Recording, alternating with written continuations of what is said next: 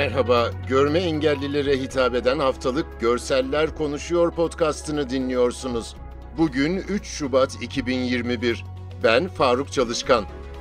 Özel eğitim kurumlarıyla rehabilitasyon merkezlerinde engellilere verilen destek eğitiminin bütçeden karşılanacak kısmı katma değer vergisi hariç bireysel eğitim için aylık 862 lira, grup eğitimi için aylık 241 lira olacak.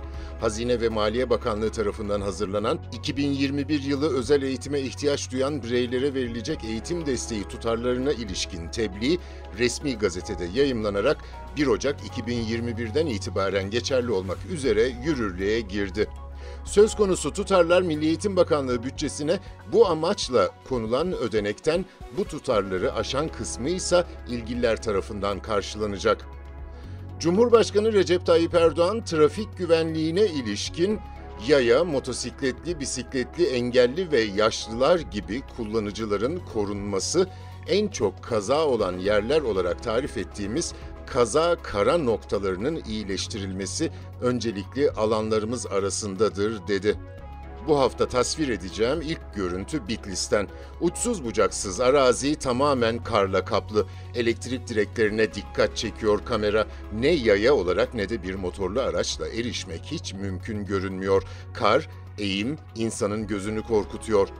Kamyona benzeyen kırmızı bir vasıtayı tepeden görüyoruz. Yaklaşınca anlaşılıyor ki lastik tekerlekleri yok. Onun yerine geniş paletleri var. Hani buldozer ve tanklarda olan paletlerden. O uçsuz bucaksız beyaz boşlukta hiçbir engele takılmadan ilerliyor. İçindekiler elektrik hatlarını tamir etmekle görevli ekip. Bir yerde 2-3 karış uzunluğunda bir oyuncakla uğraşıyor bir teknisyen ve o oyuncağın hızla yükseldiğini görüyoruz.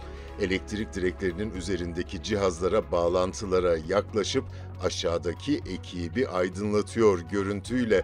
Bölgenin elektrik dağıtımından sorumlu VEDAŞ'ın sistem işletme müdürü Ömer Çelebi elektrik kesintisi olmaması için ekiplerin sürekli hazır bekletildiğini söyledi. VEDAŞ arıza ekipleri olarak 7-24 e, görev başındayız. E, Bitlis koşullarında e, yoğun kar yağışı ve fırtına nedeniyle bazı kırsal bölgelerde yollarımız kapalı. E, Yollar kapalı olduğundan dolayı arıza yerlerine e, müdahale edemiyoruz. Bu e, teknolojik aletleri kullanarak e, şu anda işte drone ve ka- e, paletli kar aracıyla birlikte arıza noktalarına müdahale edebiliyoruz. Drone arıza noktalarını tespit edip daha sonra kar aracıyla ekiplerin bindirerek gerekli malzemelerle birlikte e, arıza noktasına ulaşabiliyoruz. İzmir'de sağanak yağış selle birlikte büyük toprak kütlelerini de taşıdı. Görüntüde şiddetle akan çamurlu su ve yanında yükselen toprak yığını var.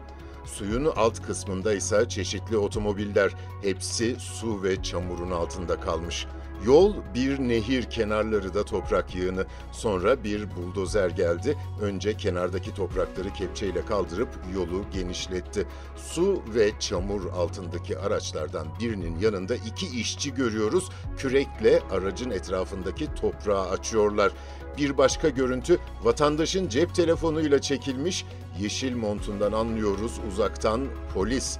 Vatandaşın görüntünün üzerindeki konuşmasında onun bir komiser olduğunu anlıyoruz ve o polis beline kadar suyun içinde ilerliyor, su altında kalan otomobilleri inceliyor. Görüntüyü çeken vatandaş da suyun altında kalan araçlardan birinin içinde. Polis onlara da yaklaşıyor. Bakıyor arabaların içerisine kalan var mı diye tespit etmeye çalışıyor. Sağ olsun İzmir Karşıyaka. İyi misiniz? İyi sağ olasın. Sağ ol komiserim. Yardım çağırdık bekliyoruz. Tamam sağ ol çok teşekkür ederiz. Çok sağ ol. Şu anda kurtarılmayı bekliyoruz. İzmir son durağımızdı. Bu haftalık bu kadar. Hoşçakalın.